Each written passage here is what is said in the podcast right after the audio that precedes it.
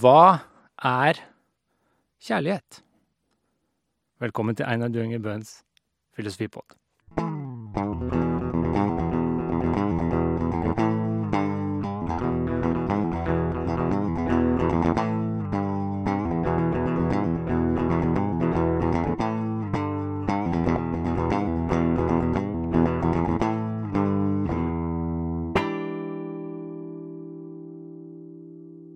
I dag har jeg med meg min kollega Hilde Vinje. Hallo. Hallo, hallo. Hvem er du? Kan du si litt om deg selv? Uh, ja, det kan jeg. Jeg, jeg jobber jo med filosofi ved UiA, sånn som du. Jeg er veldig glad i antikkens uh, filosofi. Og ja, hvis jeg skal presentere meg sjøl filosofisk, så er det kanskje først og fremst det jeg ville lagt uh, vekt på. Antikkens filosofi. Mm. Type 300 år før vår tidsregning. Eh, ja, eller mer sånn 400, da. Men ja, Er det sånn mellom 500 og 300? ja sånn cirka. Veldig bra. I dag skal vi snakke om en klassiker. Platon, drikkegilde i Aten. Symposium heter det også i noen oversettelser. Hva er ditt forhold til boka? Eh, jeg husker at jeg leste den for første gang da jeg studerte gammelgresk. Eh, og jeg likte den veldig godt. Jeg husker at eh, jeg var antageligvis en veldig irriterende person, fordi jeg satt på universitetsbiblioteket og lo da jeg skulle oversette den. Så så er en av de bøkene jeg, jeg husker veldig godt. Eh, og eh, også den boka jeg tror ville anbefalt hvis noen ville lese noe fra antikk filosofi for Ja. første gang. Fordi Det er- Den du først og fremst anbefaler? Eh, ja, en av dem, i alle Hvorfor fall. Det? fordi den er eh, veldig godt skrevet sånn litterært. Ja. Det er underholdende, det er fantastisk og flott, men det er også filosofisk veldig interessant. Det er faktisk den første ordentlige filosofiboka jeg leste òg. Når var det? På videregående så var jeg veldig fan av The Doors og Jim Morrison spesielt, og han leste Freud, Nietzsche og Platon veldig mye. Og da er drikkegilde en av de han likte veldig godt. Så så jeg det, at han likte det. Da gikk jeg kanskje i første og andre klasse på videregående. Og Mhm. da kjøpte jeg selvfølgelig den også. Og det første boka som jeg liksom sånn aktivt kjøpte som fordi det var filosofibok. Men kjøpte du den da på norsk, den Ja, den oversettelsen som vi leser nå? Ja. Dette er, er da, den her oversettelsen her er- av Egil Wyller, og den kom i 94. Eh, ja, da- den ble vel utgitt først litt før. Ja, men den utgaven her, da, som jeg har her, der står det copyright 1994 Grøndal og Dreyer. Og den kjøpte jeg da omtrent, vil jeg tro. Altså 94, da gikk jeg i første Ja, så kanskje 95, da. Jeg kjøpte den kanskje året etter, da. Så det er veldig bok veldig nært mitt hjerte. Mm. Jeg må også si at jeg syns den oversettelsen er helt fantastisk. Eh, man- ja, man sier det vanligvis symposium på engelsk eller andre språk, men drikkegilde i Aten, det er Ja. veldig bra. Det er jo vært satt opp som teater og alt som er. Eh, Jeg husker han gikk på Torshov på teatret der en periode. Ok, Når var det? Nei, det er spørsmålet, godt spørsmål. Ti år siden, kanskje. Ja, Ok. Jeg husker han ble satt opp som teater. Jeg tror han ble satt opp her i Kristiansand for ikke så lenge siden. Tenker ikke på apologien. Var den kanskje som ble satt opp Ja, her, ja. da gikk ja. på Nationaltheatret. Med Nei, for den her ble satt opp på Torshov når jeg var ja, Kanskje jeg var student, jeg husker ikke. Da Mm. ble drikkegildet satt opp. Um, Men OK. Hva, hva slags bok er det? Kanskje du som er proff her, kan si litt om det? Hva slags bok er det vi skal se, ta for oss i dag? Eh, Den er veldig sånn typisk for Platon i den forstand at det er jo en slags eh, dialog. Um, det er en dramatisk eh, dialog hvor Ja. vi, vi møter personer som eh, eh, De aller fleste er vel historiske skikkelser, men det er jo Platons eh, diktning. Um, og i likhet med de ja, sånn rundt 30-talls andre dialogene vi har etter Platon, så sentrerer det da rundt et, spørs rundt et spørsmål. Hva er, og i dette tilfellet, hva er eros, som da vi kan si er kjærlighet. Eh, men i antikken så kunne man også forstå det som eh, guden eros, så det er jo ikke alltid, alltid like klart. Så det er, jo, det er jo det som er utgangspunktet. Hva er kjærlighet? Og for de som ikke vet det, så var Platon var jo da elev av Sokrates. Ikke sant? Så Sokrates er jo sånn den kanskje mest kjente for Mm. folk flest. Platon var eleven hans og skrev ned dialoger som involverte Sokrates. Eh, Så Sokrates selv skrev jo ikke så mye. Og Aristoteles var igjen elev av Platon. Ja. Og Alexander den store var elev av Aristoteles.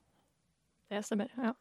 Ok, bare sånn så for moro skyld. Men ok, så dette er en dialog som handler om kjærlighet. Jeg, når jeg leser den, så er det veldig sånn Jeg syns det er veldig morsomt uh, helheten rundt, da. For det er jo egentlig et fyllekalas. Ja, det er jo det. Så en av de men, men veldig filosofisk Ja.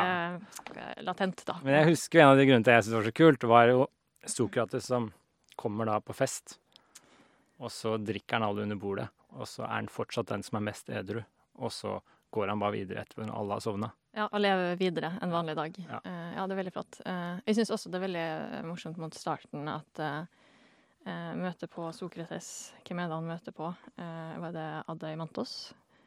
Eh, uansett, um, på vei til, um, til en middag, og så har han stasa seg opp ved å ha på seg sandaler, han går alltid barbeint, og ved å ha vært, vært på badet, da. Ja.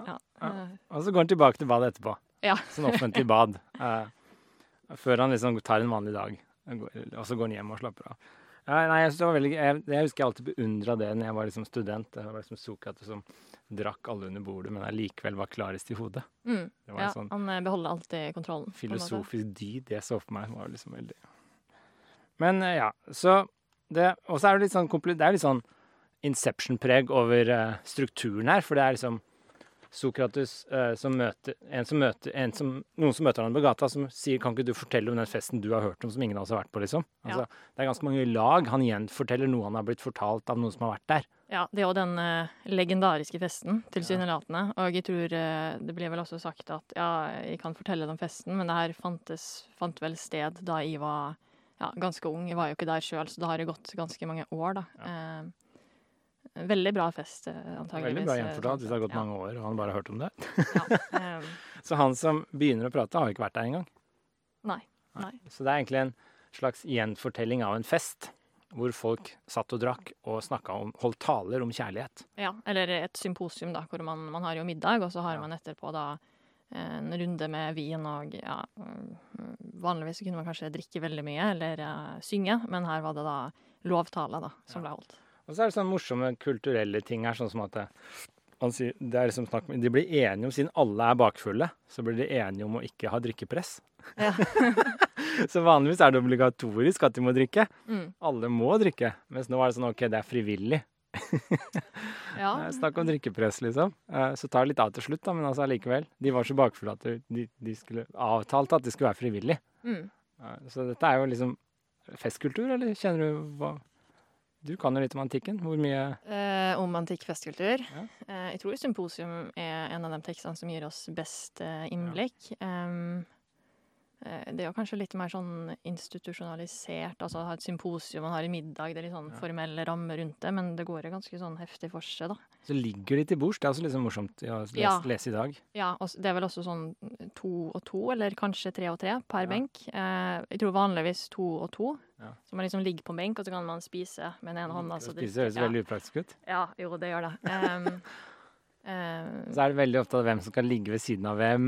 ja, ja, det er jo et litt sånn uh, Litt barnslig, egentlig, hele greia. Nei, det er ikke barnslig. Det er jo liksom uh, trekantdrama og Ja. ja. um, for det er jo bare menn som er til stede, men, Ja. em, men uh, den eh, formen for kjærlighet som vi møter på i symposium, det er jo først og fremst uh, homoseksuelle relasjoner som, som beskrives, ikke heteroseksuelle. Mm. Og det blir også tydelig etter hvert som man leser teksten. da.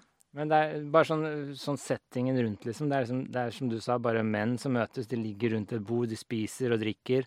Skal lov, lovtaler til Eros, denne kjærlighetsguden.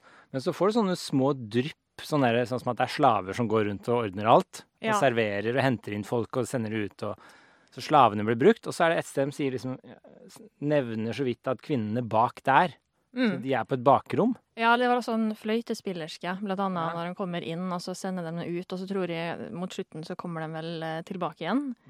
Um, uh, ja, og selvfølgelig, det her med slaver er jo ikke akkurat noe som uh, gjengs i dag, Uh, så det er jo litt sånn uvant, da. Ja. I dag betaler vi slavene våre.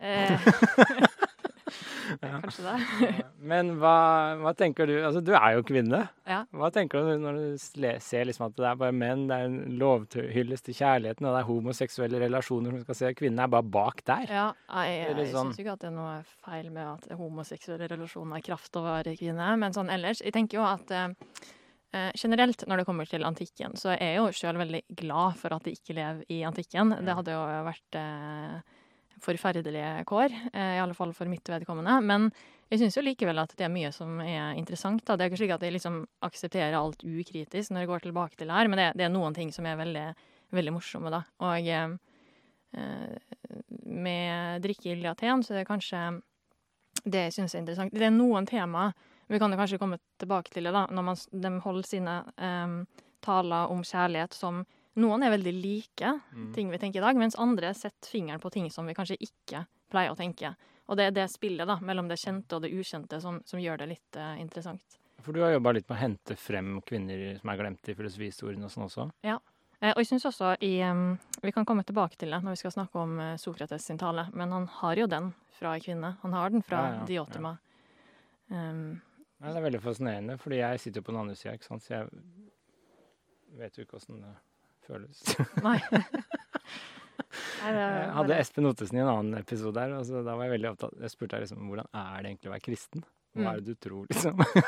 Men er det det du spør om, om hvordan det er å være dame? Nei, nå, liksom- det, det er litt sånn, jeg syns det er litt sånn interessant. Det er mye fokus på det her nå for tiden. Det er litt sånn interess, interessant sånn Hvordan oppleves det egentlig å være dame og lese det her? Altså, jeg leser syns det er gøy og liksom mm. er på en måte Jeg ligger rundt bordet, på en måte, mens du står på bakrommet. Er ikke det litt sånn Nei, jeg står ikke på bakrommet. Nei, men jo altså, Er det ikke litt irriterende, eller? Jeg prøver å forstå, bare. Ja, altså, det er jo selvfølgelig noen eh, undertoner da, som er veldig sånn ekskluderende. For eksempel Ja. det er også det fokuset på eh, relasjoner ikke mellom mann og dame, men mellom eldre og yngre menn. Eh, og det ligger også i det at eh, ja, det virker liksom være interessant å liksom være med en dame. Eller det var jo det i antikken òg, selvfølgelig, men, eh, men at det er sånn eh, eh, I den relasjonen og sånne intellektuelle faktorer som gjør det interessant, da, som, som kvinner ikke har. Jeg erkjenner at antikken kommer til kort på mange punkter, hvis det er det du er ute etter. Men jeg klarer likevel å finne fornuftige ting, eller interessante ting, da, i Ja, det vet teksten. jeg du ja. Nei, det er interessant. Jeg prøver å forstå ja. Men vi skal ikke henge oss opp i det, nødvendigvis. Uh, vi kommer jo tilbake til det litt òg, sikkert. Uh, men det er jo da som sagt uh, flere taler. Vi ser litt på hva de sier, da. Det er jo det som er det morsomme her. Men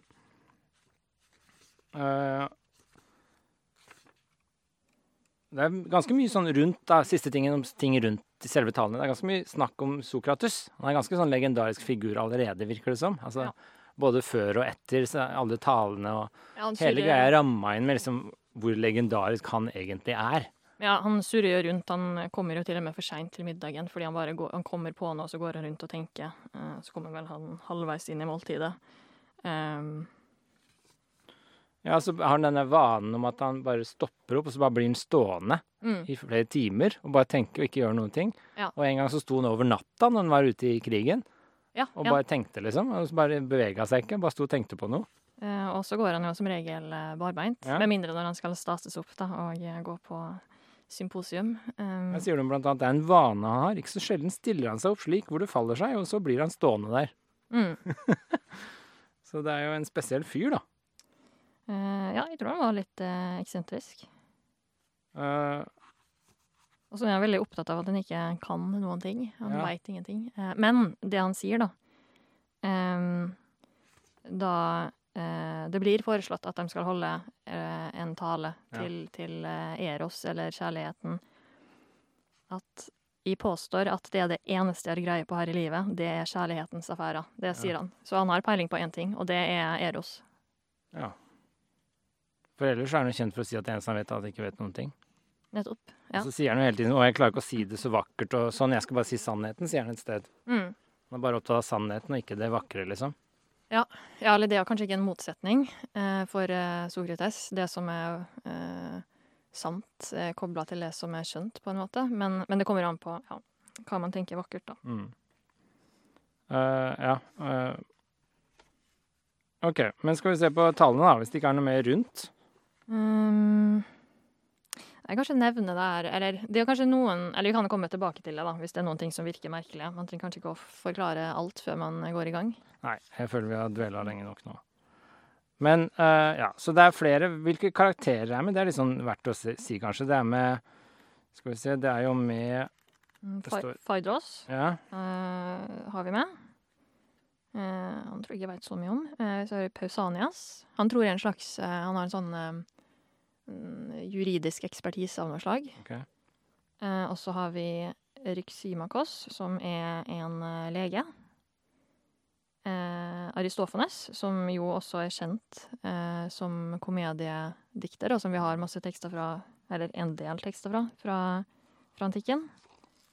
Em, Agaton, som jo festen er hos. Eh, Foranledninga her er jo at eh, han er jo eh, tragediedikter, og han har da vunnet sin første pris em, i en tragediekonkurranse. Eh, og så har vi jo Sokrates, åpenbart, og eh, til slutt eh, Alkibiades, da, som dukker opp. Eh, og, det, så er det jo noen sånn eh, mindre karakterer rundt, men vi trenger Apollodoros er fortelleren, det er han som gjenforteller. Um, Og så er det jo Glaukon er med, det er han som kommer og spør om denne festen, er det ikke det? Men de er jo ikke så ja, relevante. Glaukon er vel eh, broren til Platon. Så det er jo liksom Ja, Ja, her står det bare en venn i min. OK. ja. Glaukon uh, OK.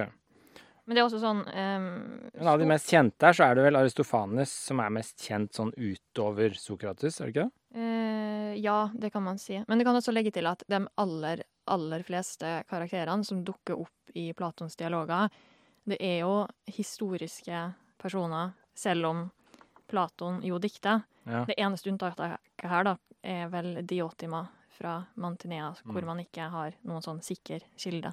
Men eh, det, det kommer vi tilbake til. Altså gudene, da. Eh, ja. Jo. De er vel historiske skikkelser. Ja. Men OK. Faidros tale er den første. Mm. Mitt inntrykk av helheten, hvis jeg skal si det? Her er det masse hyllester til kjærligheten. Mitt inntrykk av helheten i boka er jo at det er litt sånn stigende kurve.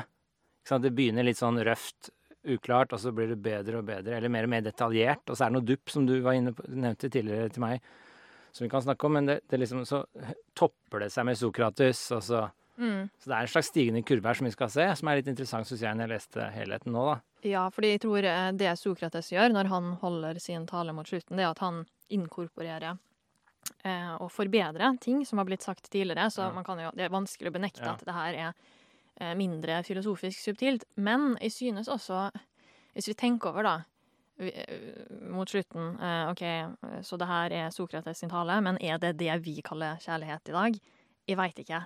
Mm. Det her var jo kanskje litt Ja, annerledes. Og jeg tror noen av de tidligere talene er bedre på å sette fingeren på hva Eller ting vi kan kjenne oss eh, igjen i mer umiddelbart, da. Ja, det kan vi se på, da, hva kjærlighet egentlig er her, fordi det er ganske interessant. Og så syns jeg det er litt morsomt, da, at hva gjør filosofer når de eh, legger seg til bords og drikker, liksom. De snakker om hva er kjærlighet. Ja, Det var men det er veldig liksom- sånn klassisk på fest også, da. Så Ja. det er kanskje noe der også. Det er jo litt kult, da. Ja. Men eh, OK, kan du bare si kjapt hva Faidros tale Hva er hovedpoenget, liksom? Eh, nei, han velger jo da å fokusere på at eh, eros, eller kjærlighet, har å gjøre med å skamme seg hvis det er noe kjendig som skjer, hvis den du liker, er foran deg, eller å føle stolthet når noe stort skjer. Og det er kanskje at det er denne følelsen av å skamme seg eller være stolt. Man vil bli sett på sitt beste av den personen man elsker, og det ville være spesielt skammelig hvis man gjør noe nedrig foran den man liker best. Det er jo litt sant. Altså, hvis, Ja, jeg, hvis ja. jeg driter meg ut foran folk jeg ikke kjenner, så er ikke det så alvorlig. Men hvis du driter deg ut foran den du elsker, så er det liksom Det er, det er noe sånn Ja, ekstremt mye sårbarere over det. Uh, ja, ja, det er kanskje det, men det er kanskje også litt sånn uh, em, Det å aldri kunne vise seg sjøl i en eh, sårbar Eller ikke en sårbar situasjon, men liksom at man ikke skal kunne drites ut. Da. Eller det ville også være litt rart, kanskje. Ja, men jeg tror det er forskjell på liksom, Hvis du sitter foran en partner da, som dere er liksom Dere elsker hverandre, ser vi for oss, det er et godt forhold. Mm. Og så er det vel én ting å være liksom åpen og vise sin sårbare side og sånn, men en annen ting å bli ydmyka offentlig foran den. Ja. Og Eh. jeg føler det er, liksom, det er mer nedverdigende å bli ydmyka offentlig foran den du kan være sårbar og elske og sånn, enn det er foran fremmede. Ja, og én ting er jo ydmykelse. Man kan jo bli ydmyka av andre, men én ting er kanskje å vise seg sjøl fra en dårlig side. Ja, At ja. du liksom avslører en karakterbrist eller eh, en svikt på et eller annet brann. Og det tenker jeg Det følte jeg litt på når jeg leste det. at Det er, noe, det er jo noe i det. Mm. Det er liksom kjipere å, å, å vise seg som en dårlig person foran de du skal, de du, dine nærmeste, enn foran fremmede. Ja, ja og det kanskje, har kanskje noe å gjøre med at eh, eh, dem som står det nærmest, det er jo dem som skal kjenne det best Ja. og se det Og for den du er. Og hvis de er ser dårlig noe stygt, ja. så har de jo ikke lyst Eller. Jeg sitter ved kjøkkenbordet, liksom, og mine tre barn ser meg fra min dårligste side. Så er det mye verre enn om jeg sitter på kontoret og gjør noe dårlig. Ja, men, men her er jo selvfølgelig, det kunne være et åpenbart tilfelle, men nå snakker vi jo også om eh, Eros.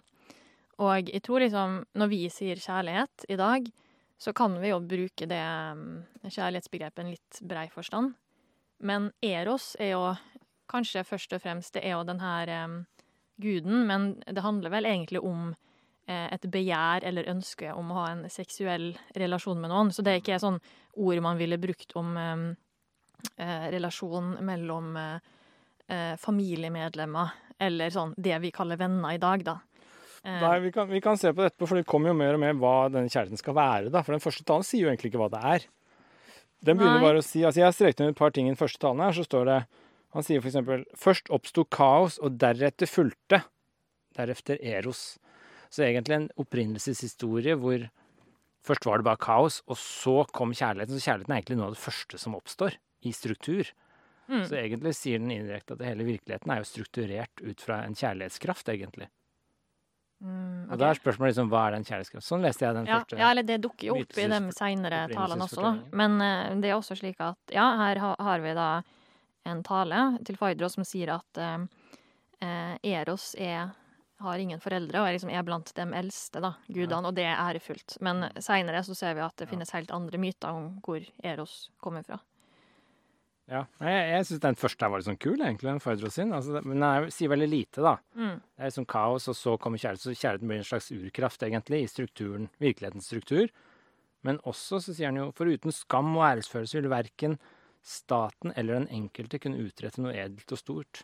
Så Ja. skam og ære er liksom de to veldig grunnleggende moralske følelsene her som styrer oss, og som gjør at vi gjør store ting. Vi vil ikke skammes, derfor gjør vi store ting. Mm. Ikke sant? Eh, æresfølelsen gjør at vi gjør store ting, og vi unngår det nedrige, dårlige. Ja, og så gir, eh, gis det noen eksempler da, på noen som gjør gode ting. Du har liksom eh, Alkestis. Eh, jeg tror ikke det forklares, men hun valgte da å dø for eh, sin ektemann Admetos, Mm. så han kunne leve videre. Og så har vi jo Akillevs, som er den store greske helten, som da eh, fulgte etter eh, sin elsker Patroklos i døden, da. Og det var et homofilt forhold. Eh, ja, Platon, eh, eller eh, fremstiller som om dem hadde en relasjon. Og hos Homer, hvor vi jo finner mest om, om Akilles, så tror jeg det er litt mer åpent. Eller det er sånn ting som folk har diskutert i mange hundre år i forskninga. Mm. Em, men det kan jo også nevnes da at eh, du sier homofilt, men eh, det som jo ligger mellom linjene her eh, i denne gamle teksten, er jo at i, i det gamle Hellas så var det jo eh, utbredt at em, em, godt voksne menn eh, hadde jo seksuelle Eller de hadde jo liksom relasjoner til unge menn, da. Mm. Så det er det er ikke slik at de står i et De er ikke jevngamle, det er, ikke, det er to forskjellige roller, da. Ja, det kommer Det- mye det- utover ja. der. For dette er jo egentlig Må jo være en fantastisk bok for eh, til fors Eller ikke, kanskje ikke forsvar, det skal vi snakke litt om, men det er mye homoseksuelle forhold i denne boka her.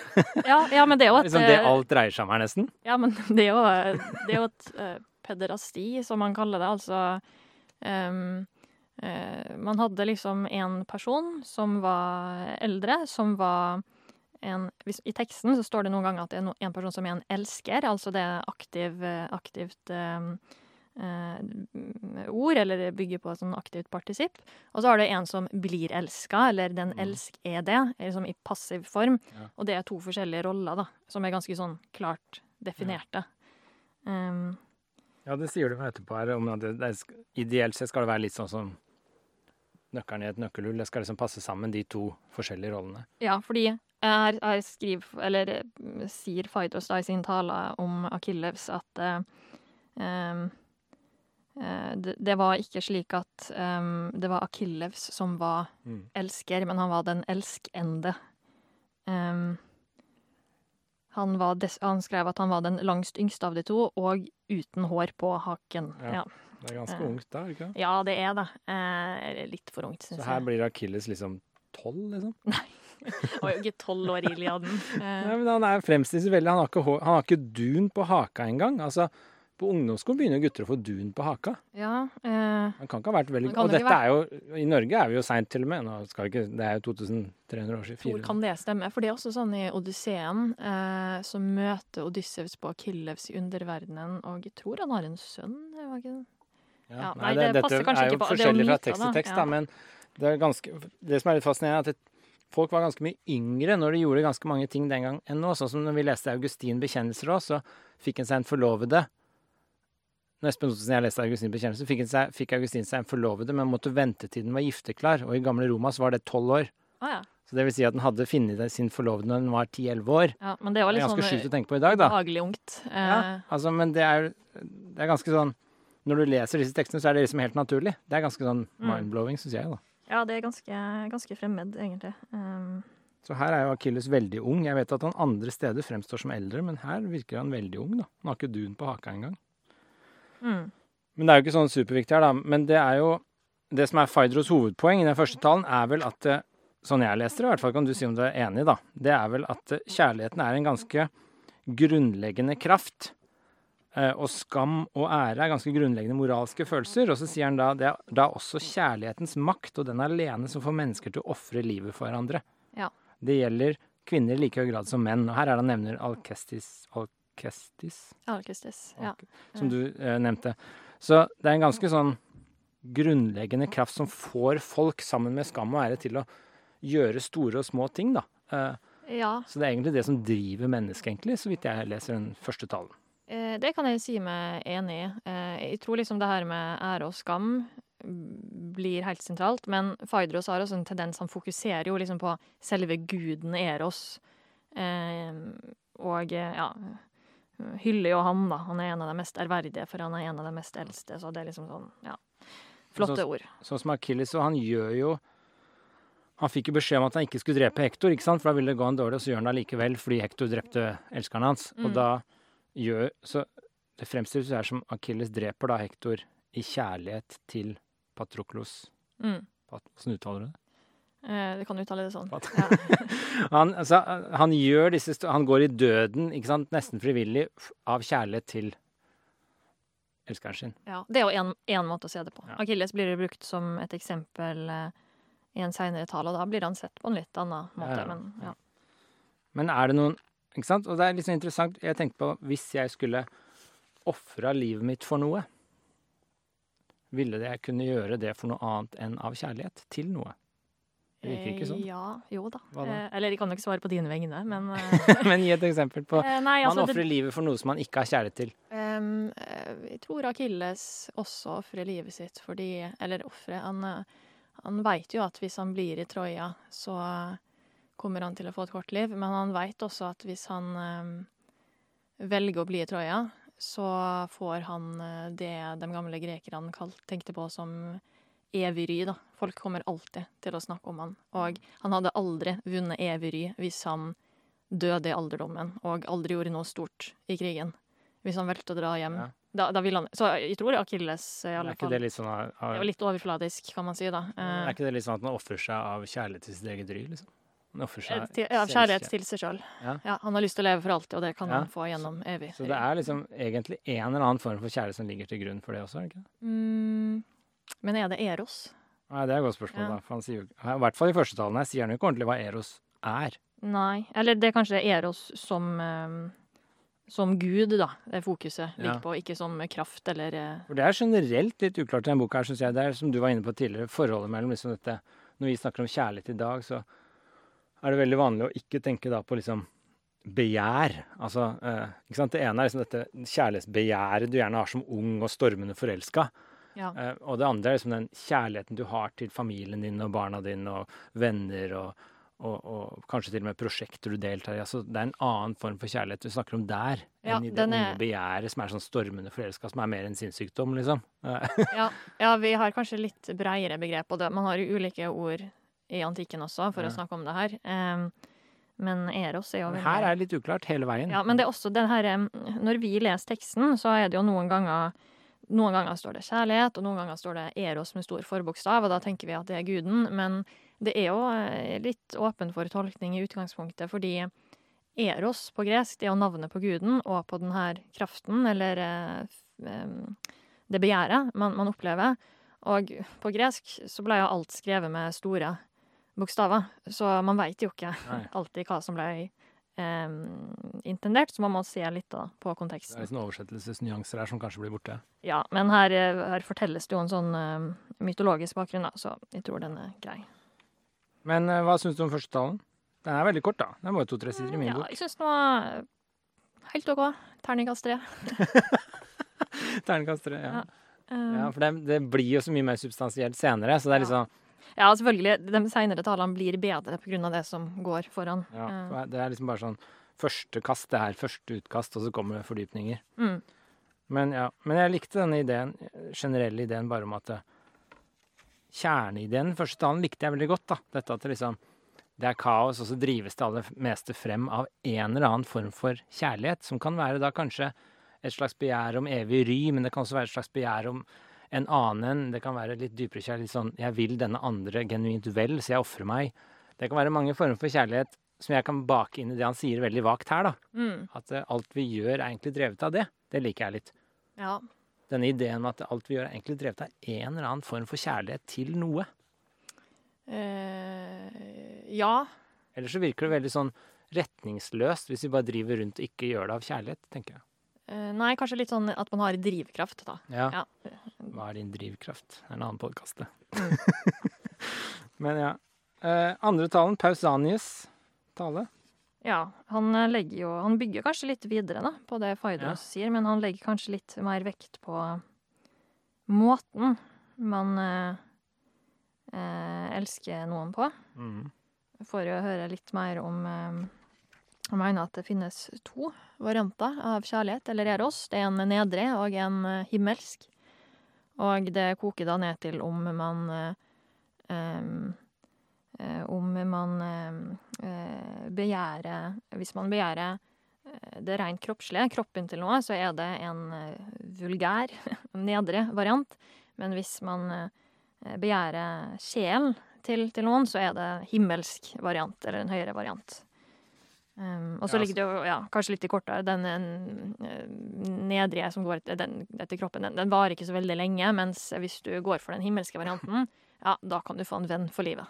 Ja, og nå begynner vi å nærme oss liksom det som egentlig kanskje Nå begynner vi å stige oppover på tallene mot det som liksom det ender med også, egentlig. Altså, Mens han første bare snakka om kjærlighet som en sånn urkraft, så kommer nå Pausanius og sier ja, men det er liksom forskjellige nyanser av kjærlighet. Det er det nedre kroppslige, og så er det den himmelske sjelelige.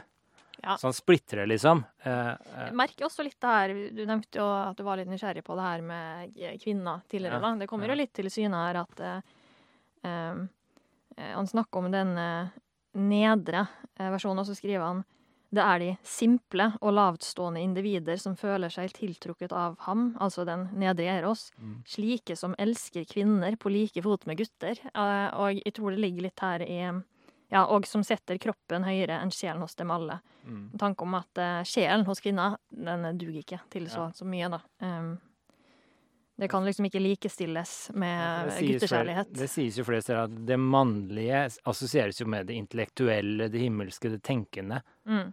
Så han sier liksom at det er derfor også en del av de homoseksuelle relasjonene er, sies og kan være ærverdige, er jo når det liksom fokuserer mot det himmelske sjelelige fremfor det kroppslige begjæret. Ja, men det er en ting jeg syns er litt sånn rart med den her, fordi her blir det også sagt litt mer om den her Ja, det er oversatt som guttekjærlighet, at det er lagt vekt på at um, man skal ikke legge sin elsk på mindreårige gutter, men eh, de venter til de får sine første dun på haka. Men det er likevel veldig unge folk, da. Mm. Men hvis man er så opptatt av sjelen, hvorfor må man gå for en ung person? Jeg bare skjønner ikke. kan ikke Ja. liksom eh, Ja. Eh, vil ikke gå for en eldre som er mye klokere. Ja, for eksempel. Eller liksom hvis det var først var det man var ute etter, da, så hadde man kanskje fått Men er det ikke noe med at det skal være denne Han sier jo her, i denne talen da, i hvert fall, så sier han jo at eh, Det er disse to formene, den nedre og den, den vulgære og den himmelske, da, som han sier. Eh, Men så sier han ingen gjerning er nemlig vakker eller stygg i og for seg. Men det handler om, det hele beror på utførelsen, selve måten det gjøres på. Mm. Og så er han inne på dette med når, når man har liksom unge gutteelskere, så handler det for denne personen i hvert fall, denne talen, så handler det om måten det gjøres på. Så hvis liksom den Det er et eller annet med måten det gjøres på Du kan gjøre det på en vulgær måte, og da er det ikke noe bra i det hele tatt. Men så kan du gjøre det på en himmelsk måte, og da er det mer bra. Og den er vel mer den ideen at denne unge elskeren da skal søke visdommen i den gamle. Mm. Altså den gamle skal søke liksom den unge, pene Men elskoven. Og når den sammensetningen være- er god, så blir det edelt gjort. Det er vel det han sier. Ja, men må det ikke også være noe sånn uh, edelt? Fordi det vil jo på en måte være litt uh, det som beskrives som stygt her, da, eller nedre, hvis eh, den eh, gamlisen bare skulle ja, ikke bry seg om eh, sjelen til, eh, til sin unge venn. Em, Så han vil vel måtte bry seg om å oppdra den unge, kanskje? eller? ja, ja, for det ligger jo en sånn pedagogisk Ja. komponent generelt da, i, i de her For de skal møtes, og det er, det er jo ikke bare for kroppslig begjærs skyld. Det er jo for den sjelelige dannelsens skyld det hele foregår, for begge, ser det ut som, til tider. Eh, ja. Eller det er bare at jeg skjønner det veldig klart for den yngre parten, men det er litt sånn uklart for meg ja, Uh, den andre veien, da. Men uh, Holder seg ung, da. ja, kanskje det. Nei, det er Ja. en ting som var litt sånn slående òg, er at han snakker om Afrodite, gudinne Afrodite i denne oversettelsen her. Mm. Men så plutselig begynner han å snakke om han senere. Er Afrodite en dame eller en mann? Eh, Afrodite er jo ei kvinne, men hun er veldig nært assosiert med Eros. Det er vel ikke helt klart. Hun er jo også en kjærlighetsgudinne.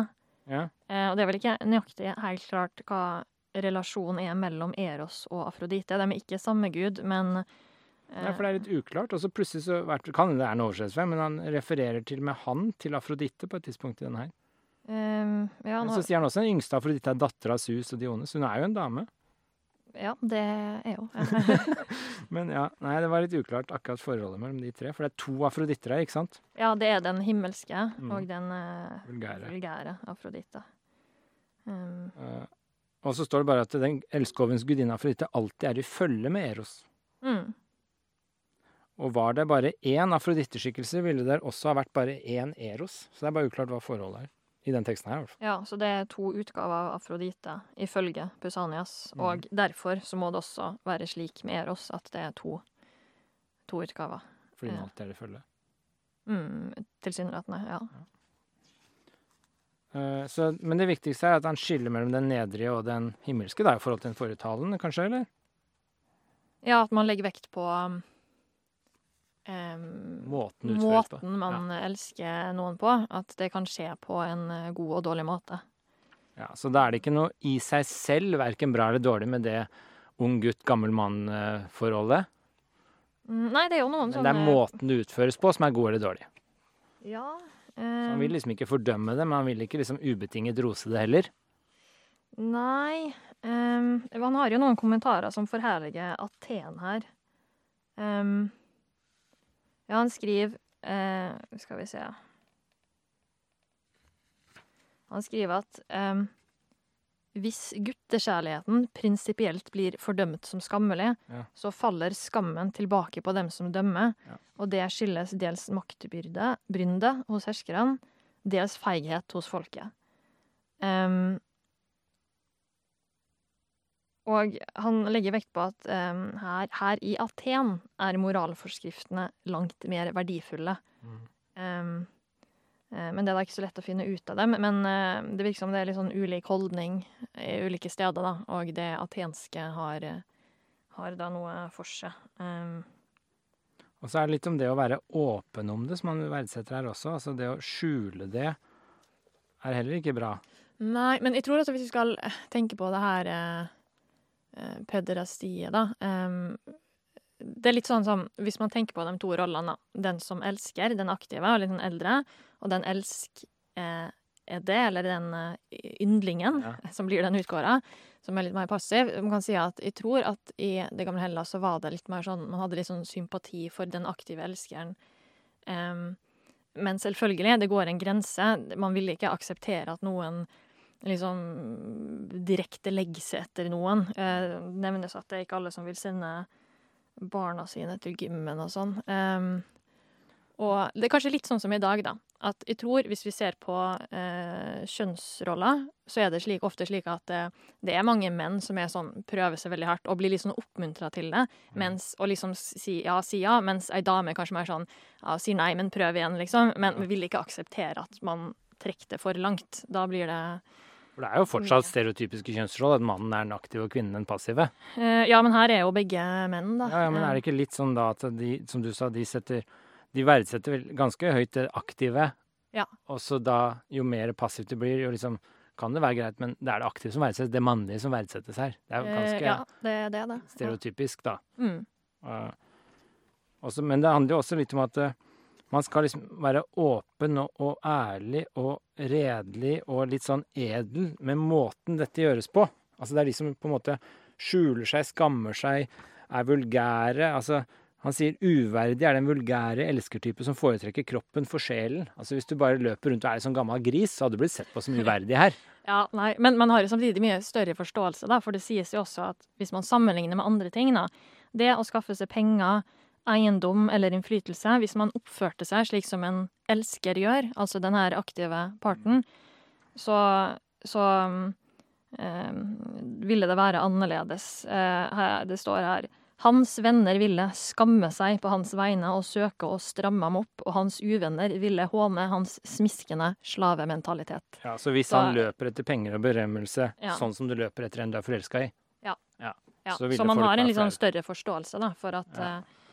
Eh, Og så sier han jo rett etterpå Men når så elskeren gjør det samme er det Så hvis du gjør det mot en du elsker, da Du, du løper etter en du er forelska i, eller eh, du begjærer en person i denne form for kjærlighet, så sier han da er det absolutt ikke god tone å slenge ham noe i nesen. Tvert imot hører han bare takkens ord. For det han bedriver, er noe edelt og skjønt. Ja, så man ser annerledes da, Ja. på, på de her eh, erotiske affærene eller kjærligheten. Så sier han jo til slutt her en mann som elsker og han alene, kan ifølge den alminnelige mening få gudenes tilgivelse, tilgivelse om han bryter sin ed. Den ed er ingen ed hvor afroditte hører med, heter det jo. Mm. Indirekte i kjærlighet til allting lov. Ja, ja. Så det er jo litt sånn i krig og kjærlighet til alt lov. Her sier han det egentlig, da. Altså, vi tilgir mye lettere om du oppfører deg som en tulling i kjærlighet, enn om du oppfører deg en tulling for å få penger. Mm. ja, da hadde det blitt veldig tydelig at det var, det var ikke et eh, edelt eh, mål. Da. Ja. Mens hvis det er kjærligheten, så er det edelt hvis du gjør det. Ja. Her står det Ja, mm. Det er jo interessant, da. Så hvis du bare løper etter kroppen, eh, så er det på en måte uverdig, men hvis du løper etter et verdig sinn, smelter sammen noe som har bestand, og da blir du en venn for livet. Og hvis du bare det- løper etter penger, i kjærlighet etter penger, så er det på en måte ikke et edelt motiv. Da, men hvis du løper etter kjærligheten for et menneske, så er det mer edelt. Eh, sier at det er intet usselt og servilt over den slags frivillig trelldom. Så um, Ja, det er jo Ja. Hva tenker du om det i dag? Er det helt hårreisende gammeldags, eller?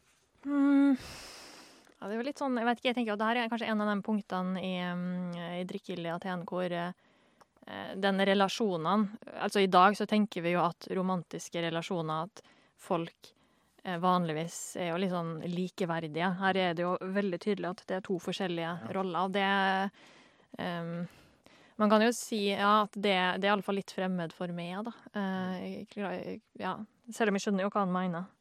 Ja, for her igjen, ikke sant, det er som vi sa tidligere, uklart om vi snakker om et slags begjær, eller det jeg tenker på i dag, og mange som, som ekte kjærlighet. ikke sant? Altså, hvis jeg tenker på ekte kjærlighet i dag, så tenker jeg ja, ekte kjærlighet til en person. Jeg elsker en person. Det kan være liksom mine barn, det kan være familie, det kan være venner, det kan være kona. Men da, er- hvis du har ekte kjærlighet da, så er det liksom at du vil den andre godt. Ja. Så du er villig til å gå ut av din vei for at den andre skal ha det bra.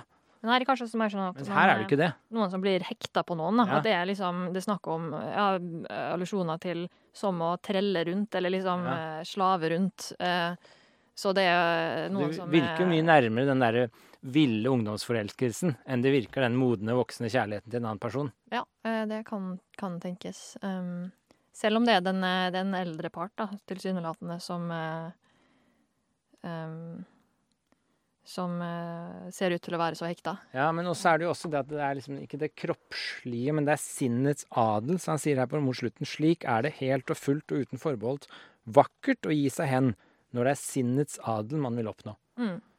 Så denne ville ungdomsforelskelsen var det ikke akkurat sinnets abel jeg husker mest, adel jeg husker mest av. Nei, nei, jeg skjønner. Så det er liksom noe mer, da.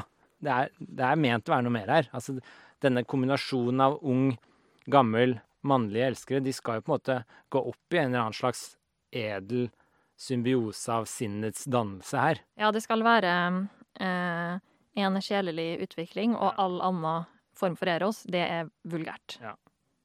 Så det er jo, det er jo noe mer enn denne ville ungdomsforelskelsen, vil jeg tro, men det er ikke noe det er ikke helt der hvor jeg tenker på det sånn som i dag, da. Nei, det er litt uh, annerledes. Um,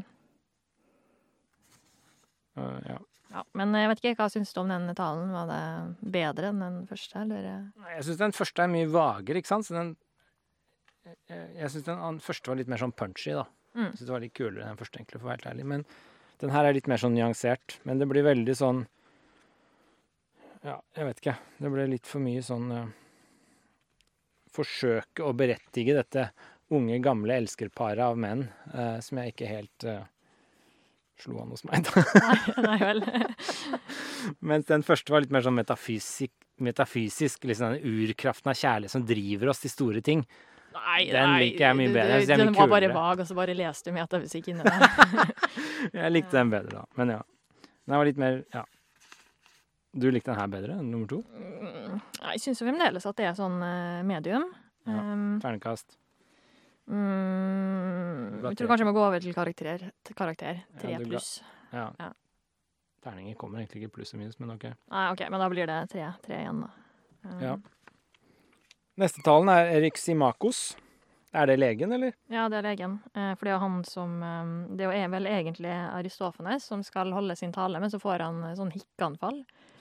Eh, Og så gir Erik Simakos noen tips da for hvordan han skal bli kvitt den her men så holder han sin egen tale i, i mellomtida. Ja, her er det tipset. Og mens jeg taler, kan du jo forsøke å holde pusten en god stund, og se om hikken ikke går over. Nytter det ikke, kan du gurgle med vann. Holder hikken likevel hårnakket stand, så se og få tak i noe du kan kile deg i nesen med, og nys. Gjør du dette en eller to ganger, så gir den seg om den er aldri så kraftig. Jeg har aldri prøvd å kile meg i nesa når jeg hikker. Kile seg i nesa, ja. Eh, Finne fjær liksom kile seg i nesa så du nyser. Det er vel nysinga som gjør susen her, da. aldri tenkt på den forbindelsen, men eh, hvis du nyser, skal hikken gå over. Det har jeg mm. aldri prøvd. Ja. Men de bytter om, så da er det legen først. Uh, første han sier, er vel Han skal utdype den forrige talen, da. Mm. Eh, så sier han vitenskapen eh, Men vår vitenskap, medisinen, har lært meg at kjærligheten er en makt som ikke bare driver oss mot skjønne mennesker. Igjen virker det mer som en sånn begjær, egentlig. Eh, men ja. også mot mange andre ting. Og at den er en drift som ikke bare føles av menneskesjelen alene, men også forfines i meget annet, i alle dyrekropper, i alt som vokser på jorden, ja, så å si alt som er til. Og grunnen til at jeg har streket under det, er at det er litt sånn som samme ideen som jeg Du mente jeg overtolka, da? At, at liksom kjærligheten er en slags Den er i alt, da. Den, det er en slags urkraft her også. Det er en makt som er i mennesker, dyr, i alt som vokser på jorden. ja, eller man kan si at det er kanskje en um, eh, harmonisk relasjon, fordi han tar i utgangspunkt i legekunsten, lege som han er, og så sier han at vi finner den her eh, høye eh, eros, eller den eh, edle kjærligheten, Mm. i alt som er sunt, og det, den lave varianten i det som er sykelig. Mm. Og eh, eh, jeg tror liksom det som er sunt, det er velbalansert, det er i harmoni, det er på plass, liksom. Mens det sykelige, det er totalt ute av balanse. Men hvis du tolker kjærligheten her som en slags mer i retning av et slags begjær enn i retning av mer den derre den derre eh, bevisste 'jeg ønsker den andre vel', som vi var inne på i stad, så gir det jo litt mer mening å tenke på det som en urkraft i alt, da. Altså i dyrekropper, alt som vokser på jorden, i alt som er til. Altså hvis du tenker på det som et slags begjær altså Dette er jo litt sånn Ja, går men, gjennom i filosofien. Tenk på en plante. Den Mm. begjærer jo på en måte vann og lys fremfor tørke og mørke. men passer det her helt? Fordi han går jo videre til å si at um, um, Snakke om legekunsten, og så går han videre til å snakke om musikk, tonekunst.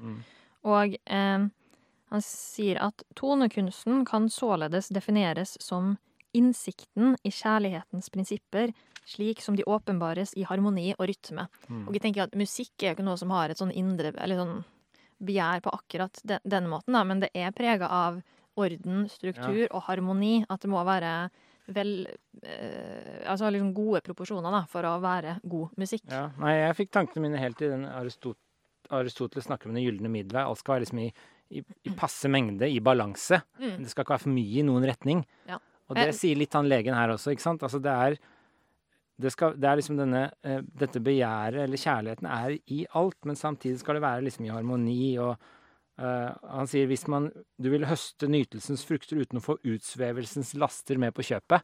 Så du må balansere det. Du Mm. kan ikke liksom gå etter det kroppslige begjæret for mye, for da, blir, da går, kommer det feil ut. Men du kan ikke fornekte det helt. Da kommer det feil ut. Ja, man må finne en riktig balanse her. Eh, Det er veldig ellers sånn aristotelisk idé, da. Ja, men det finnes også, uten at de skal skli ut i en sånn Aristoteles-diskusjon her, men det, jeg veit ikke om jeg er enig i det, men det finnes noen som eh, tolker den aristoteliske tanken om den gylne middelvei som inspirert av gresk medisin. Ja, ja. Og Eryximakos er jo lege, så Ja. han kommer jo Eller ikke nødvendigvis av han direkte, da, men eh, ja for Det er noe likt, etter det her, da. ja, det han eh, kommer etterpå. Nei, men Det er veldig interessant. Men det jeg mente med den der at du, hvis du ser på det mer som et begjær, så er det lettere å tolke det inn i alt. Det er ikke at, eh, ikke sant? Jeg tror den menneskelige kjærligheten den må jo ha noe mer enn begjær, som alle disse talerne egentlig er inne på. Men det er lettere å forstå det som en sånn urkraft, jo mindre sånn kognitivt komplisert den er, da.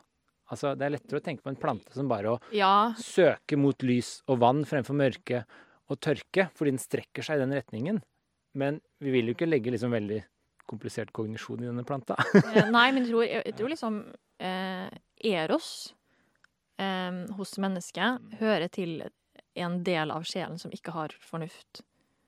Um, okay. Ja, den um, Ja, begjæret er liksom en egen del Ja. av sjelen som er forskjellig fra fornuften og æresfølelsen. Men ja, det er kanskje noen forbindelseslinjer her, men, um, for men det er jo drivkraft, da. Uh, jeg tenker sånn umiddelbart sånn førsokratikeren, sånn som Heraklit eksempel, sier at alt er i kamp. Alt resulterer ut av en kamp.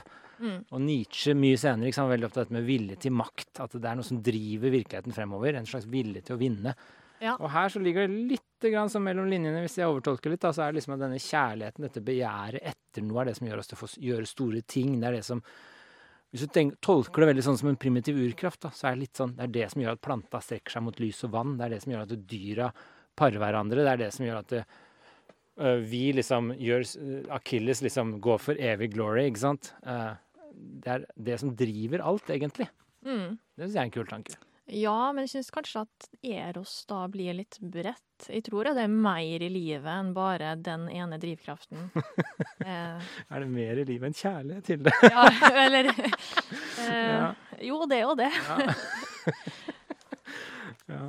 Nei, men det er, det er jo? Det er jo et spørsmål om hvor du skal begrense denne kjærligheten da, til hva. Mm. Men det går jo videre her til å ja, også gjelde astronomi. Ja. Det blir kanskje litt sånn ugjenkjennelig eh, hvis vi tenker og sammenligner med vårt eh, dagligdagse Ja. eh, kjærlighetsbegrep, da.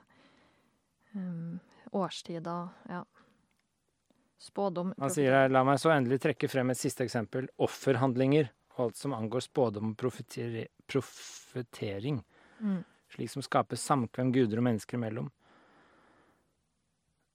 Det dreier seg alt sammen nettopp om å ta vare på den ene og søke helbredelse for den annen.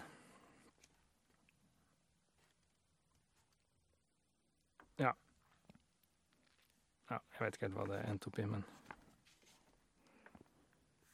Men er det noe mer han sier som er av eh, dypere interesse her? Nei, det er jo det at den her hikken begynner å gi seg, da. Så det hadde jo i alle fall en effekt. Um, uh, men um, ja, jeg må vel også si at uh, Og den, den ga seg ikke før han tok nysen til hjelp. Mm. Aristofanes svarte ja, hikken har nylig virkelig gitt seg, men det var sannelig ikke før jeg tok nysen til hjelp. Ternekast. Jeg tror jeg fremdeles er på treeren. Jeg, liksom, det kommer an på hva man skal vurdere det som. Jeg syns det kan være liksom, filosofisk interessant hvis man skal tenke på prinsipper og hva som driver ting fremover. Men som lovtale til Eros mm, Jeg får litt sånn eh, følelsen av at han skaper Eros i sitt eget bilde. Han er lege, altså. Ja. Ja, ser han det han sjøl er, da. Det er ikke helt tilfeldig at plutselig Eros er det legene Nei, men det gjelder vel kanskje for flere her, da. Ja, ja. Så ja. Nei, hvordan syns du den var, sammenligna med dem før? Nei, jeg syns ikke den hadde samme punchline. Nei, Jeg liker fortsatt kanskje den første best, jeg. Men uh, foreløpig, da. Men uh, det er jo litt sånn, kanskje litt sånn mer klokt og fornuftig noe av det han sier med denne balansen. At du ikke skal la det gå for langt på den ene eller den andre. Og kanskje litt tørt. Ja, litt kjedelig, men kjedelig kan ofte være litt fornuftig òg, da. Ikke la det gå for langt. Om det på er oss, Det skal jo liksom ikke være tørt og kjedelig. Nei. Eh, Det vil jo bli mangelfullt. Den fornuftige kjærligheten versus Romeo og Julie, liksom. Hvem er Mm. mest spennende? Ja.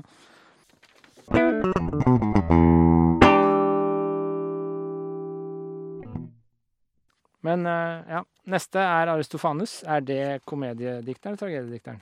Det er komediedikteren, og nå begynner det å bli spennende. Eh, ja, det er komediedikteren. Um, Han er nå ferdig med å, hikke. hikke. um, og går jo over til å snakke om um, Eros um, um, Og ja, det var den som var veldig sånn mytisk, denne Ja, talen her. eh, han Mm. gir jo liksom sin egen myte, og ikke bare liksom fokuserer på Eros, men uh, hvordan mennesket har uh, kommet Mm. til, og hvordan den myten kan forklare kraften til, til Eros. Ja, ja, ja.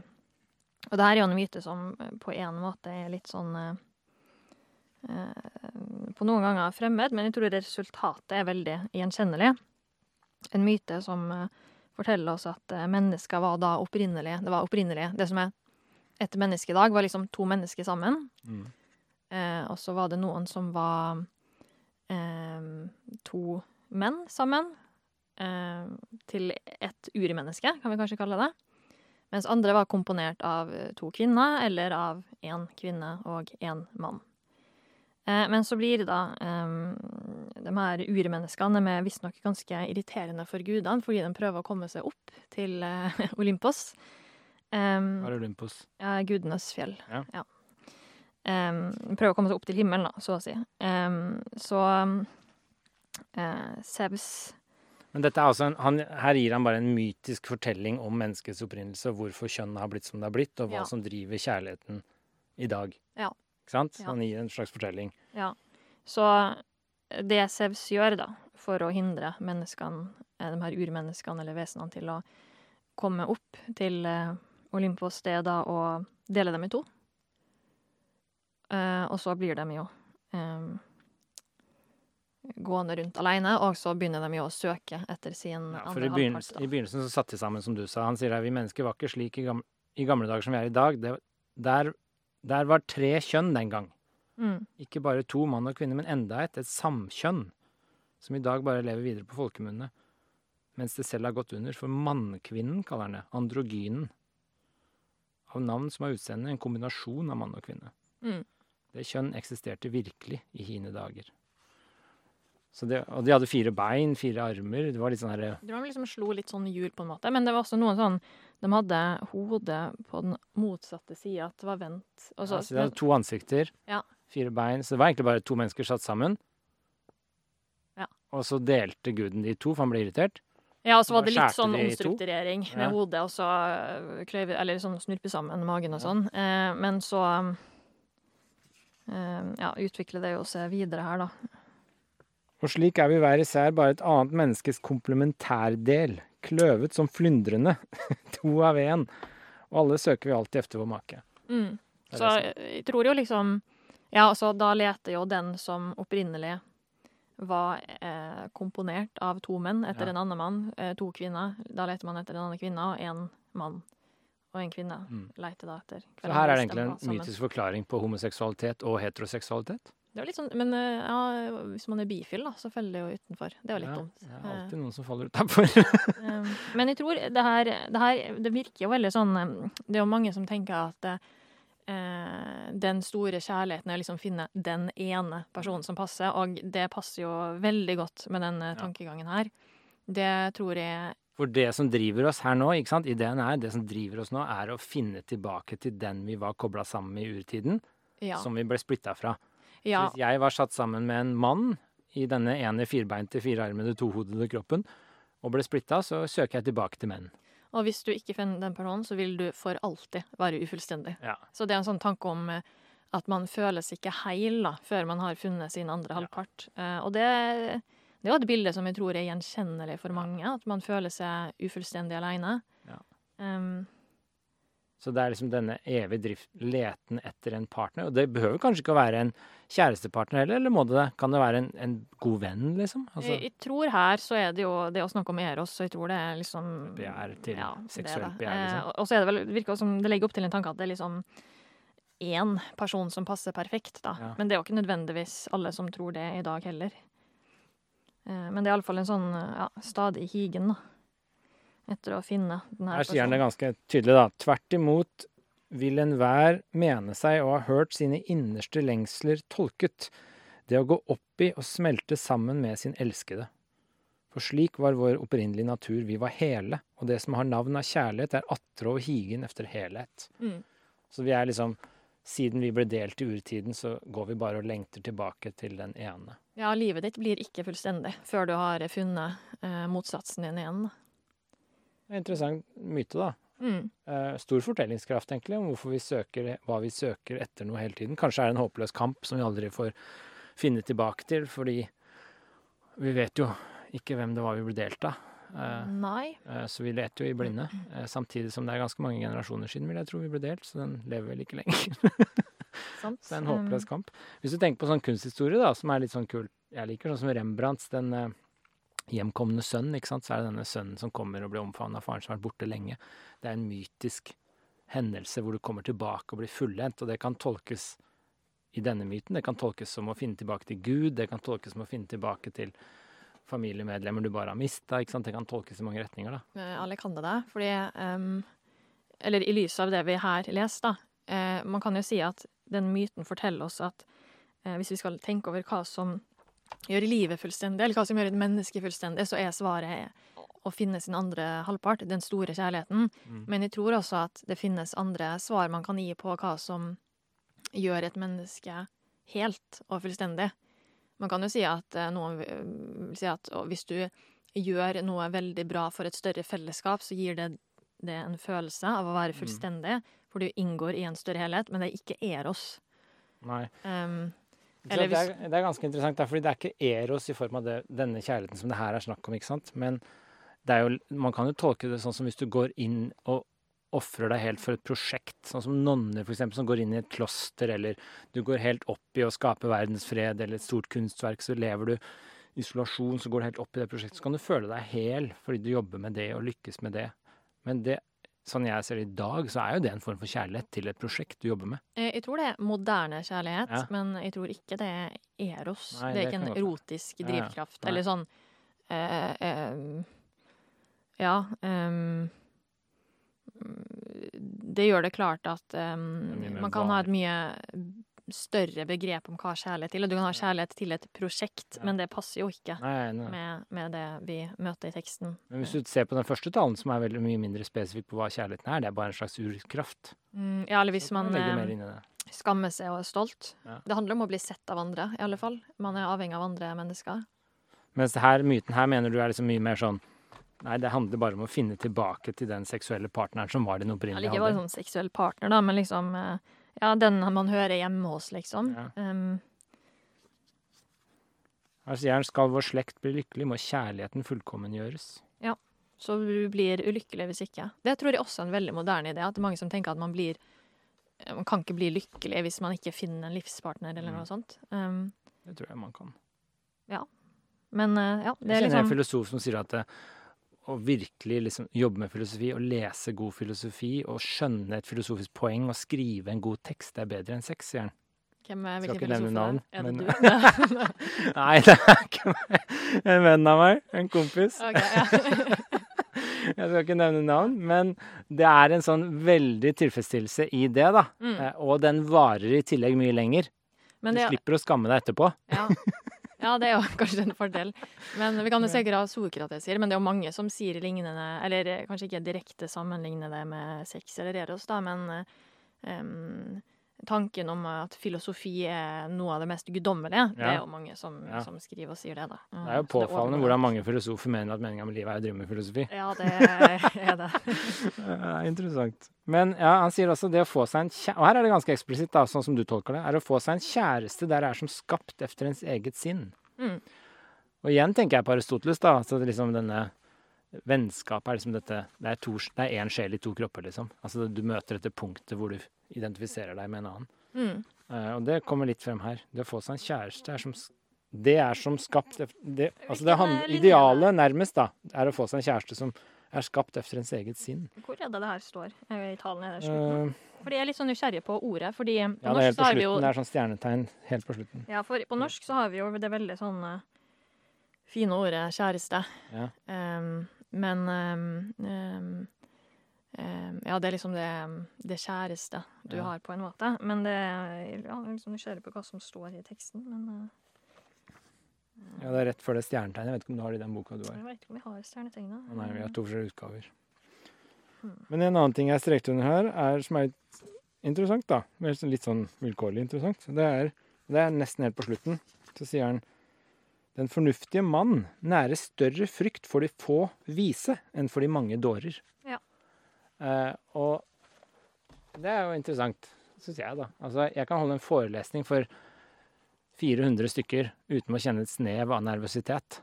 Men hvis jeg skal holde et foredrag for fire av de beste filosofene i et lite seminarrom, så blir jeg dritnervøs. Eh, Jeg Eller, sant? Jeg kan holde en offentlig foredrag uten å kjenne noe, men jeg holdt konfirmasjonstale til min eldste sønn for 20 familiemedlemmer, så var jeg kjempenervøs. Det er noe der. Men Altså, hva, jo er, det er jo litt ulike situasjoner. da, fordi Når du holder konfirmasjonstale til sønnen din, så er det jo kanskje fordi eh, ja, det er en person som står deg nær, og som du virkelig bryr deg om, at du vil at det skal bli riktig. Men når du er på det seminaret med de fire verdensledende ekspertene, eller hvem det nå er, så er det kanskje fordi at dem i ditt fagfelt er autoritet, og ikke fordi at du holder dem så kjær. Ja, men er det så stor forskjell egentlig? Altså, eh, nå s- eh, altså, I et lite familieselskap så er du nervøs fordi alle kjenner deg godt. Det er litt som vi var tilbake til. ikke sant? Du vil ikke drite deg ut overfor de som kjenner deg best. Mm. Mens når du står overfor de få ekspertene, så vil du selvfølgelig ikke drite deg overfor de få ekspertene, men du er også det er noe mye nærmere, fordi du vet at de kanskje vet dette bedre enn deg. Du, du vil ikke drite deg ut overfor de som på en måte kan dette like godt som deg. Så du er på en måte mye nærmere dem Mm. enn du er den store massen som du ikke kjenner til. Og det samme gjelder kanskje, men det er jo forskjell, selvfølgelig. Det hadde kanskje vært litt sånn skremmende, da, siden du holder en eh, foredrag foran 400 personer. Tenk at det går bra, men så kommer du til spørsmålsrunden, og så er det en sånn vag person borti mengden som bare stiller et dritbra spørsmål, og så skjønner du at det er liksom ja, ja, ja, det skjer, det. ja, At det var noen vise, Ja, ja. eller ja, det skjer. Du, du Men har det- kanskje Ja. Undervurderte ditt publikum. Ja, ja, eh, det skjer, men det er også litt den der hva slags selvtillit går du inn i rommet med, er veldig viktig. mm. Hvis du går inn i rommet og føler deg overlegen, så går det som regel mye bedre enn hvis du går inn i rommet og føler deg underlegen. Nei, jeg pleide å gå rundt overlegen når du skal holde og snakke for folk. Jeg, Vi skal jeg ikke gå så dypt inn i det her nå, men Jeg tenker altså- heller at det viktigste er at man, man er rolig, og at man forstår sin rolle. da, At man skal snakke foran noen. Men Ja. det må ikke være at du enten overlegen eller underlegen. Du må være, du må være i balanse. Ja, ja, nå er det veldig snusfornuftig, da, selvfølgelig. Men poenget er bare at det er Vi har et godt poeng, og så bare sier du at det er snusfornuftig. Nei, men det er ja, Hvis du på en måte går inn i et rom og vet at du kan det her bedre enn de som sitter der, Mm. så har du litt høyere selvtillit enn hvis du går inn i et rom og mistenker at de som sitter der, kan det bedre enn deg. Og utgangspunktet, i hvert fall min erfaring, er at når utgangspunktet er ganske viktig for om det går bra eller dårlig. Ja, men det kommer an på hva man skal snakke om, da. Eh, hvis man snakker om filosofi. Ja, Hvis du skal holde et foredrag om meninga med livet, det er jo noe som de aller fleste har et forhold til, og det er ikke slik at eh, Det er bare jeg som har skjønt det. Eh, ja, OK. eh, Nei, ja, Um, det varierer veldig, altså. ja. Jeg er enig i det. Men eh, ja, vi bruker jo veldig lang tid her nå. Vi må, oss, um... men vi har jo ikke kommet til det beste her engang. Nå er det Agatons tale. Agatons Stalle. Uh, hvem var Agaton igjen? Det var Det var jo han uh, tragediedikteren Ja, som vant pris, eh, og som uh, symposiet er hos, da. Um, jeg syns egentlig at det her var den dårligste talen. Ja, jeg har også faktisk flere spørsmålstegn her. Mm. Um, Den er jo veldig rosende, skjønnmalende, men den har ikke så mye filosofisk eh, gehalt. Nei, Og så er det et par ting jeg er helt uenig i her. Sånn ja, grunnleggende. Nei, han sier sånne ting som Men igjen, da, så kanskje Det kommer jo an på hvordan vi tolker kjærligheten her. Hvor be, mye begjær versus hvor mye sånn symbiose med mer edle motiver skal med. Men han sier f.eks. i begynnelsen ja, kjærligheten hater alderdommen. De kan ikke bo under samme tak. Det virker bare veldig feil. OK? Altså, hva, hvorfor skulle kjærligheten Ja, men hate kanskje, alderdommen? ja, eller kanskje hvis man tenker på Mer moderne tid så tenker jeg kjærligheten vokser jo mer jo eldre du Men blir. nå tenker jo du veldig moderne kjærlighet. Tenk Ja. på begjær, da. Og tror liksom, tenker på sånn at begjæret er sterkere når man er yngre. Det er vel kanskje det som er noe ja, av da, poenget hans. Men da må vi tolke det veldig som kjærlighetsbegjær han snakker om her, da. mm, De kan ikke bo under samme tak. Han sier også der Eros er, der hersker vennskap og fred. Det virker også litt rart. Er det ikke ganske mye kjærlighet til krig? Du mm, går til krig av kjærlighet, eksempel. Til et prosjekt. Ja.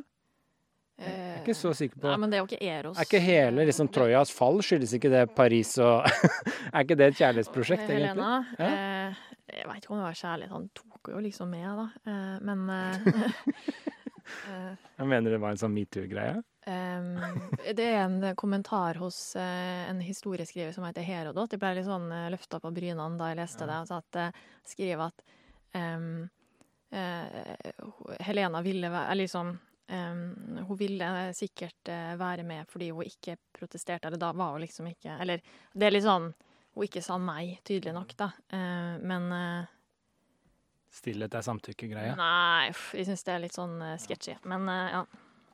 Men det, bare sånne ting virker litt sånn Her kunne vi diskutert mye, da, men bare sånn at det skal være vennskap og fred der hvor det er kjærlighet. Selv i ungdomsbegjærlig kjærlighet, altså mine stormende forelskelser, det var jo ikke noe Tvert imot, det var jo mindre fred og ro og harmoni der enn det var i mer voksne, modne kjærlighetsforhold. ja men, Slik at det virker jo ikke sant, selv med ungdomsbegjæret som pekepinn her, så vidt jeg kan skjønne. ja, men han peker jo liksom på flere egenskaper. Han sier også vold, vold er uforenlig med kjærlighetens natur.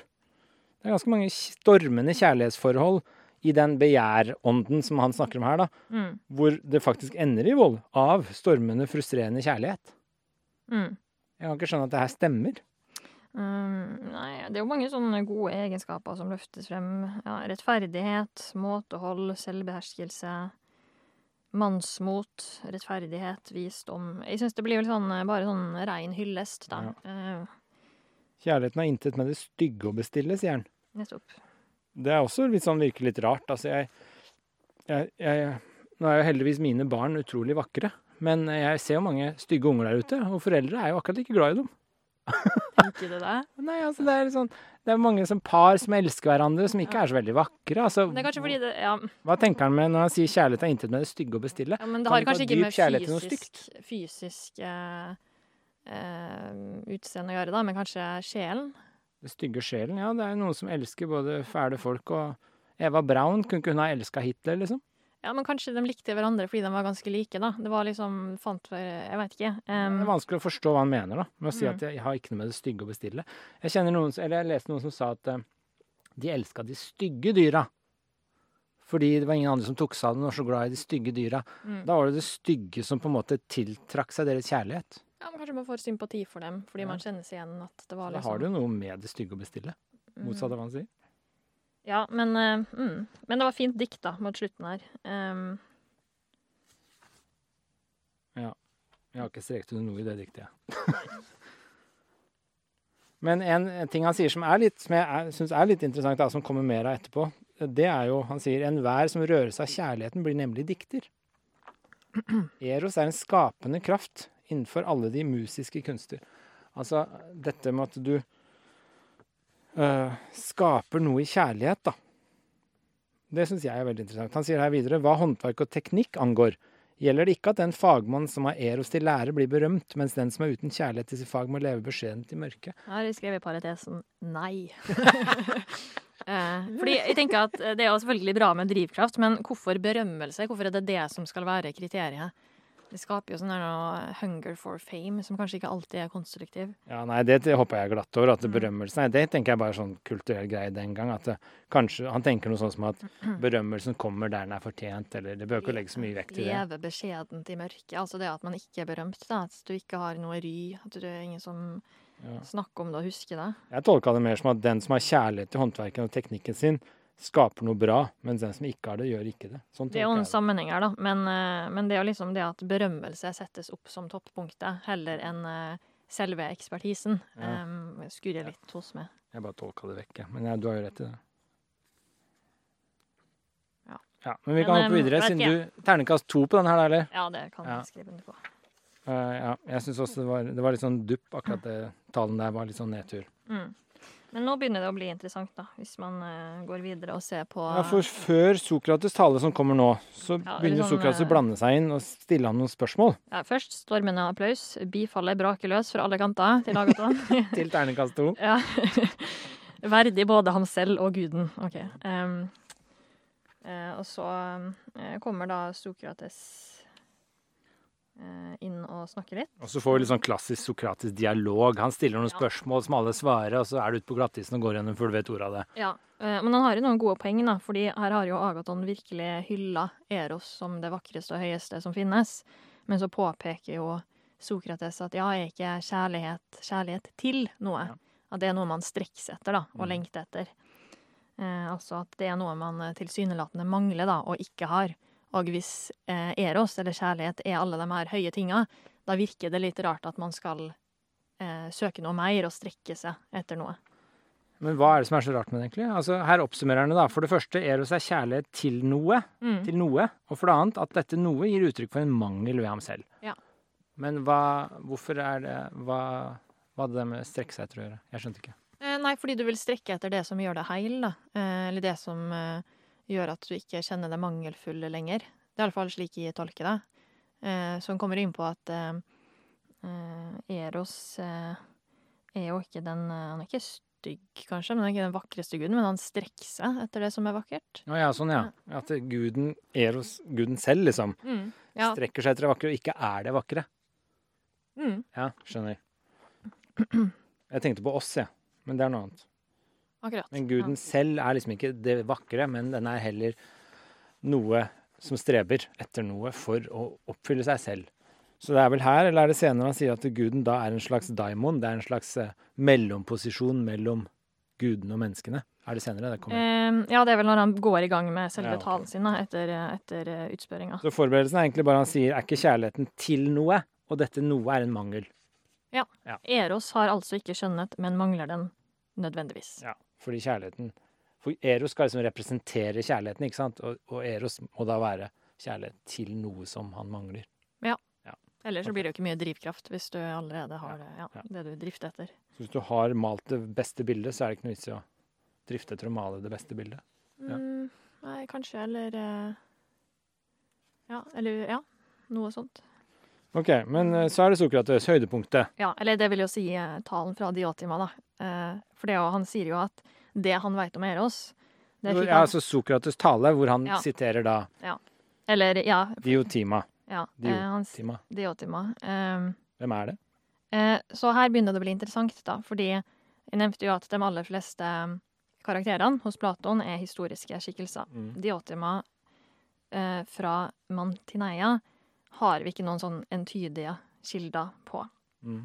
Og nå kan man selvfølgelig si at ja, det kan jo tenkes at de, det fantes en person som heter Diotima, men at det bare ikke ble lagt noen andre steder. Men det finnes noen interessante teorier. Um, og det er at uh, det her bygger på at er en referanse til eh, en kvinne som heter Aspasia fra Milet. Mm. Um, det er noen som har lagt frem en teori. Hvis man ser på navnet Diotima, hva betyr det? Em, det er satt sammen av Tima, det betyr altså en person som er æret. Og så er det Dio, kommer av Dios, som er en genitiv form av Sevs. Det er noen som er æra av Sevs. Og Sefs er Eh, folk ja, Eh, en av de høyeste greske gudene. Ja, Ja. Em, Så hun er æret av den høy, en av de høyeste gudene.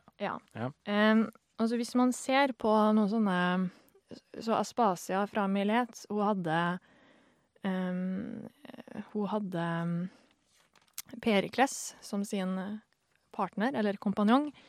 Og hvis man går tilbake til andre kilder og ser på noen eh, greske komedier, så var da Perikles en person som blei kalt Sevs.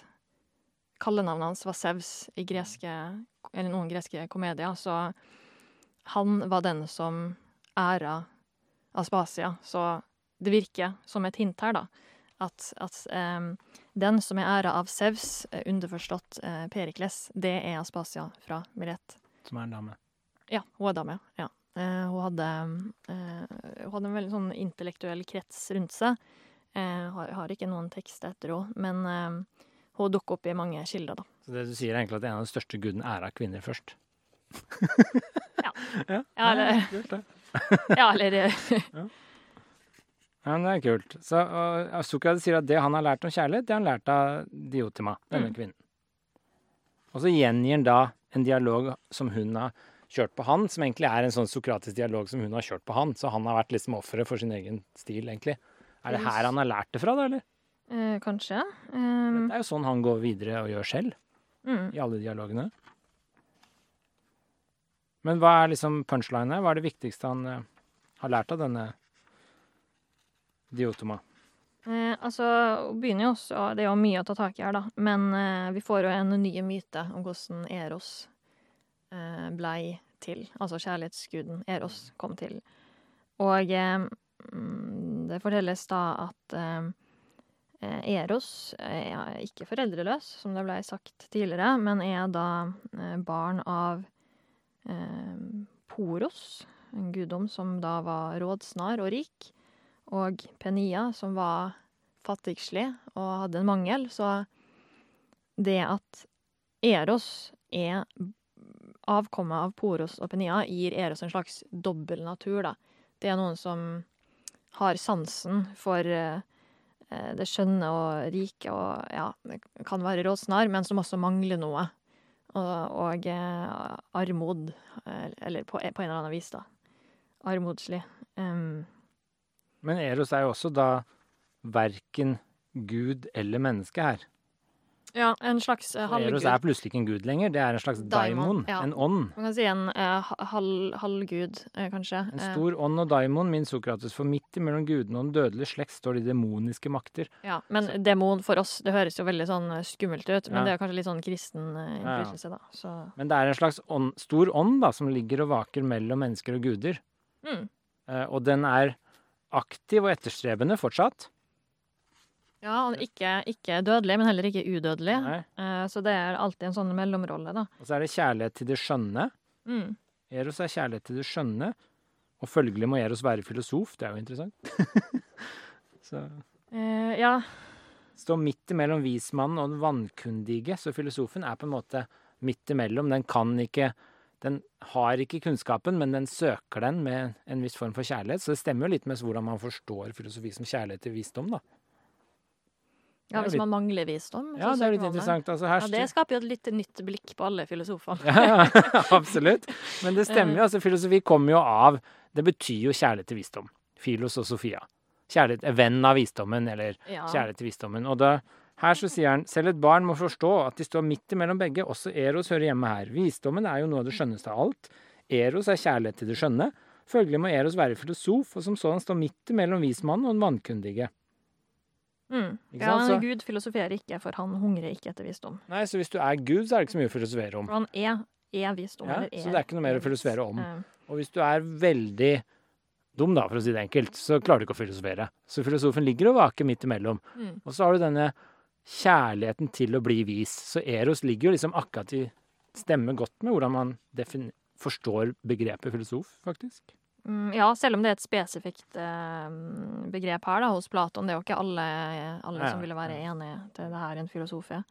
Eh, men kanskje også den her doble naturen da, eh, ser jo ut til å gjøre at Eros klarer å få fatt på ting, men han klarer ikke å holde fast på det. Så alt han skaffer seg, det renner bort um, mellom fingrene. Så han er aldri rik, aldri fattig. Eros. Ja, det står bort mellom fingrene på ham, renner alt han skaffer seg. Så han er aldri rik og aldri fattig. Um, Så det er en slags evig streben, da. ja, og noe du aldri oppnår.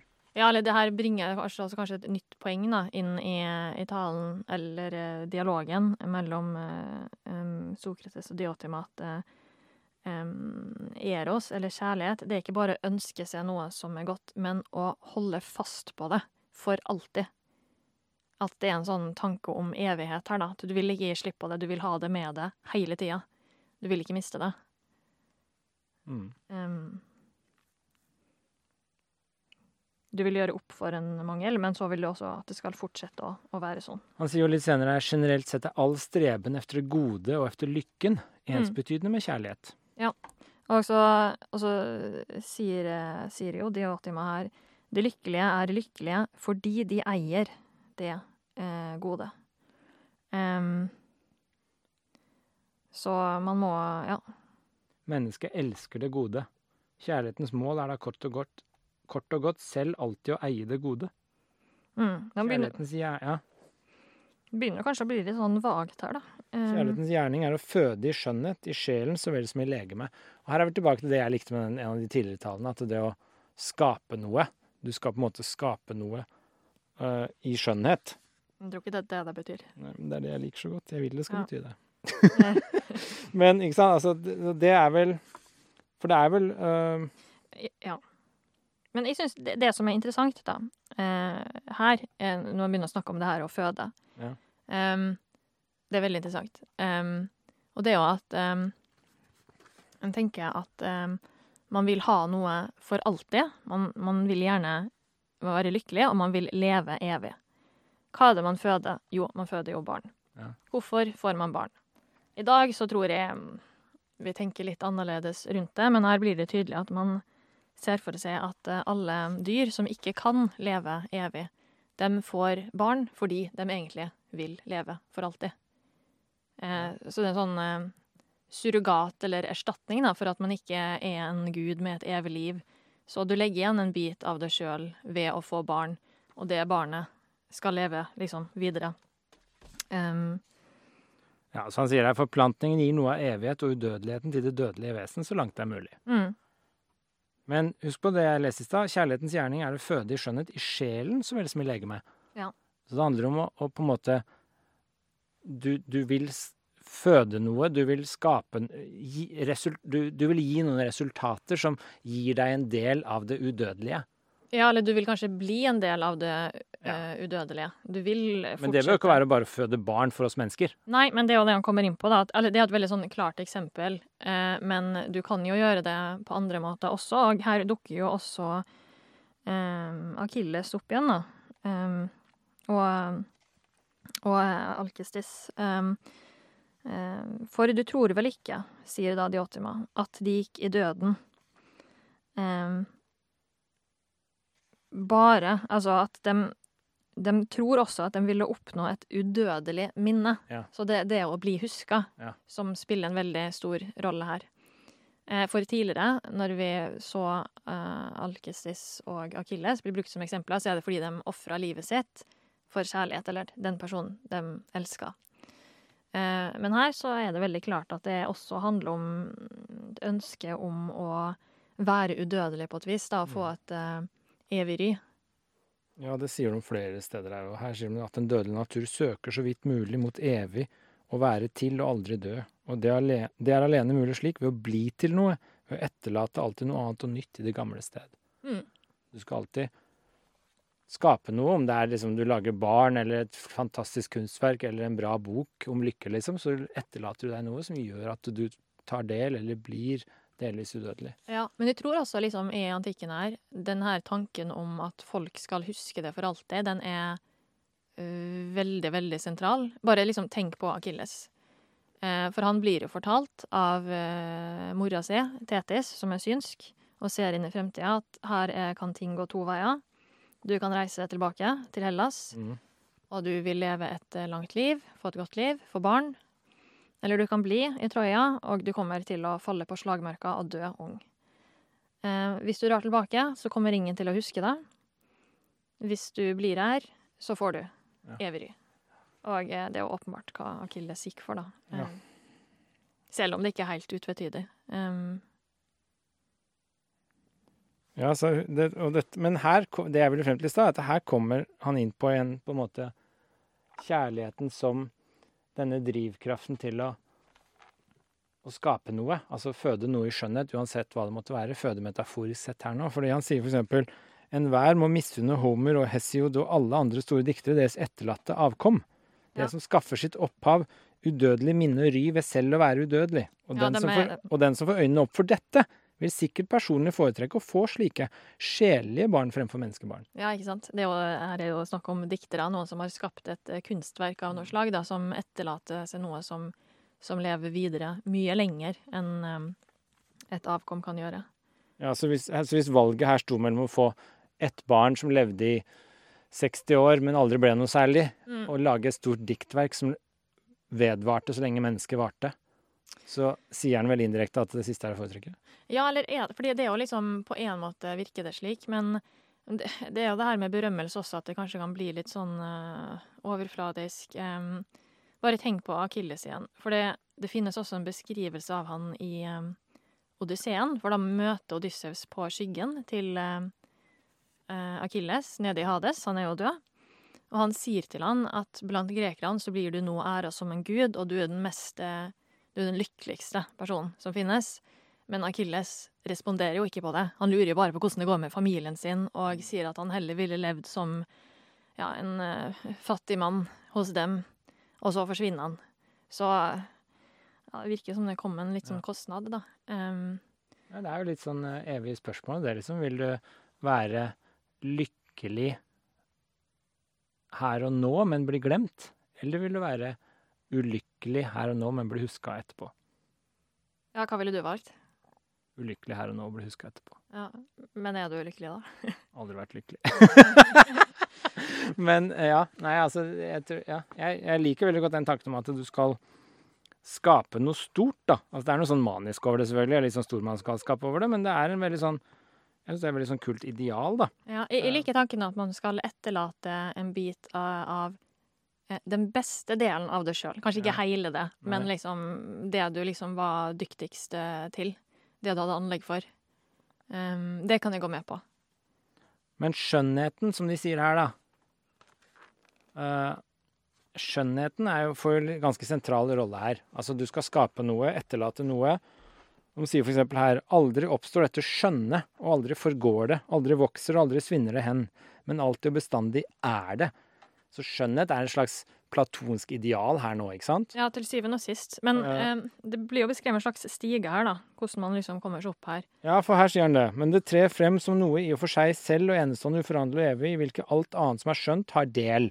Så alle skjønne ting tar del i denne ene store skjønnheten. Og så sier han den vei som tar utgangspunkt i de skjønne fenomener her nede, og så bestandig stiger målbevisst opp mot selve denne skjønnhet, stiger som ad trappetrinn.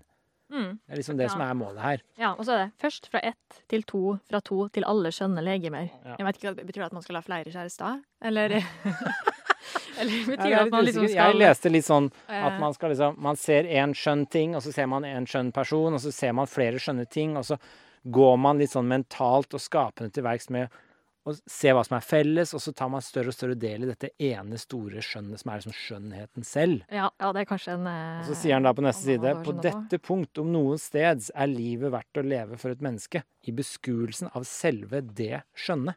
Ja, men nå begynner det også å bli ganske vagt her, da, fordi vi kan jo henge med på at man begynner med et skjønt legeme når man snakker om Eros. Det handler jo ikke bare om fine ting ute i verden, liksom, men eh, når man begynner å gå oppover, da, eh, hvor likt er egentlig det her eh, vår eh, hverdagslige forestilling om, om kjærlighet? Um, eh, vi kan jo liksom gå med på at eh, det finnes eh, Men jeg tror ikke det lenger har noe med denne kroppslige begjæret lenger på det punktet. Nei, men det er jo litt sånn Hvis målet bare er det skjønne og liksom visdom og sånn, hvorfor kan man ikke bare lese en bok, liksom? Men Da tar du jo litt del i det. Men hvis du leser en enda bedre bok, så tar du enda bedre del i selve det skjønnet. Altså, Ja, den siste, en av de siste paragrafene her er veldig uh, kul. Da. Så her sier han Hva tror du ikke så, kjære Sokrates, det er hun uh, som snakker, om det skulle times noen å få øye på selve det skjønne, den skjønnhet som ekte, ren og ubesmittet, ikke er befengt med menneskekjøtt og menneskefarve eller annet forgjengelig fjant, om man virkelig skulle øyne selve den guddommelige skjønnhet i dens ene uforanderlige form, da tror du vel ikke at den som vender blikket dit, som innfanger det med sitt indre øye, og søker sin omgang der, da tror du vel ikke at denne manns liv er et uskyldt liv? Nei, det er jo ideen, da, om Ja, det skjønner. så det er liksom ideen det skjønne, ja, som alle de skjønne ting tar del i. Og det er å liksom nå den store ideen om det skjønne. ja, og, Skape noe, etterlate noe, ta del i den evigheten. Som er liksom egentlig det han sier. På dette punktet om noe sted er livet verdt å leve for et menneske. ja, og i, i Platons tankeunivers så vil det jo være slik at det er jo en idésfære Ja. eh, hvor eh, vi finner alt i dets reneste form, mens det som finnes i vår fysiske verden, det er jo skyggebilder som aldri vil være like Ja. perfekte og fullkomne Ja. som de eh, evige ideene. Så alt vi gjør liksom av kjærlighet, da skal liksom hvis, Det skal egentlig være å etterstrebe denne ideen om det skjønne. Mm, det skjønnes i det. Eh, og det Ja. du skal, Men Det altså er jo veldig sånn flott og liksom sånn, men det er jo litt sånn lite anvendelig, eller Det jo litt sånn uh, ja løst, syns jeg. Det Eh, er helt fantastisk. Ja. Det er jo den gulrota å løpe etter. Det liksom det skjønnet Altså, jeg vet ikke hva det skjønnet er, da. Det er noe jeg bare må jobbe med, liksom, og prøve å finne ut av. Men det er liksom det Og det er ikke nødvendigvis sånn derre bare vakkert å se på. Det er liksom det skjønne ideen er liksom Det er på en måte det beste.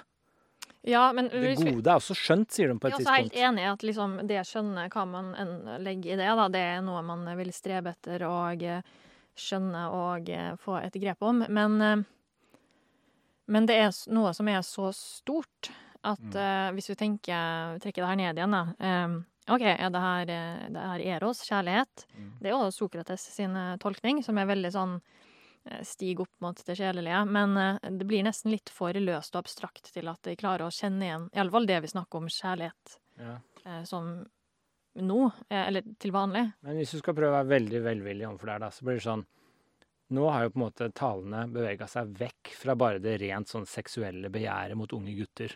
Nå er vi liksom oppe på liksom denne ideen om du skjønner. Alt vi skal strebe etter, er å ta del i denne ideen, ene ideen om det skjønne. Mm. Eh, og da har du på en måte et uoppnåelig ideal å strekke etter.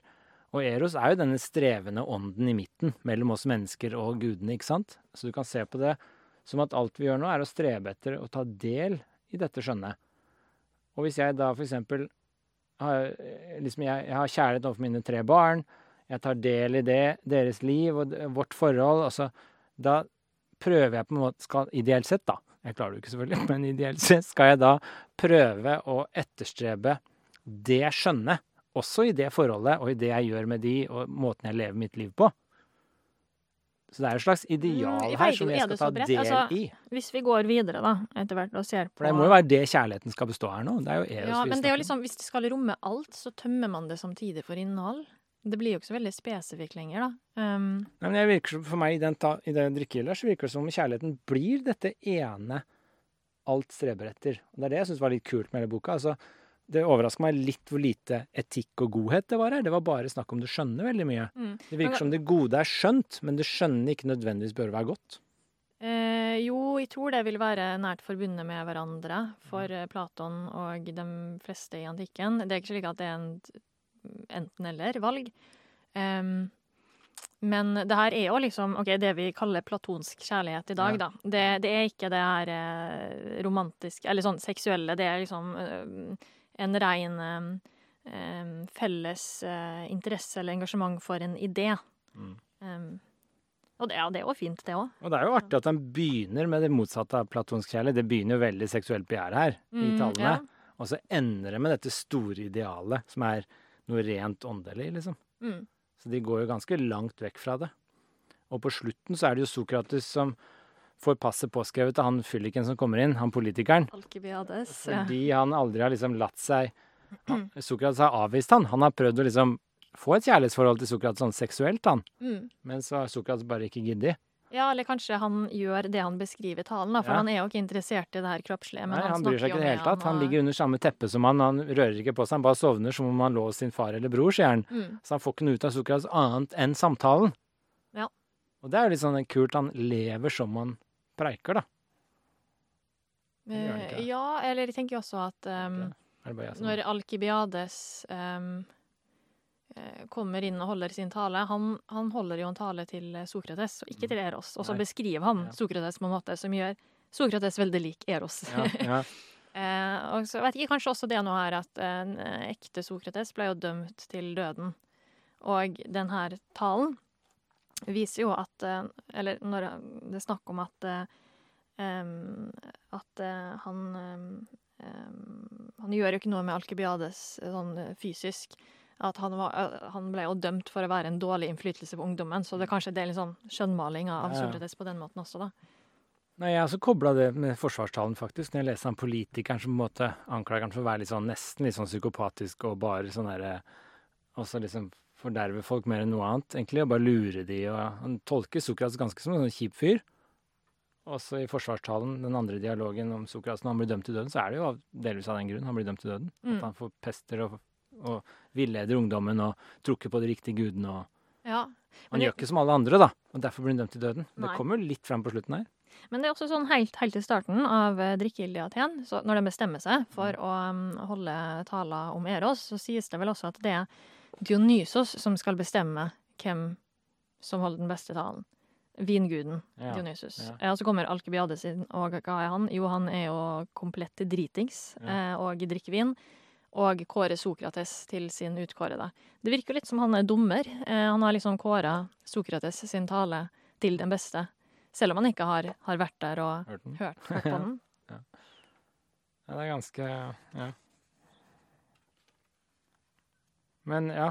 Men er det noe Vi har brukt veldig lang tid. Eller ikke veldig lang tid, vi har brukt god tid. Mm. Eh, Det er veldig bra. Det er kjempeinteressant, det her. Det Eh, ja, jeg syns jo det er en bra, bra tale, men og eh, den siste, ja, so Sokrates, Sokrates, sin. ja, og grunnen til at den er bra Eller den plukker jo opp mange elementer, da. Og det som har blitt sagt eh, tidligere. Um, men eh, ja, ender da med den platonske kjærligheten. liker du ikke Sokrates tale best? Hvilke liker du best? Um, Ternekast må du gi det på den, her, siden du begynte med det. mm, og, kanskje ja, terningkast, jeg vet ikke, fire pluss. Ja, så Ja. Litt høyere enn de andre. Ja.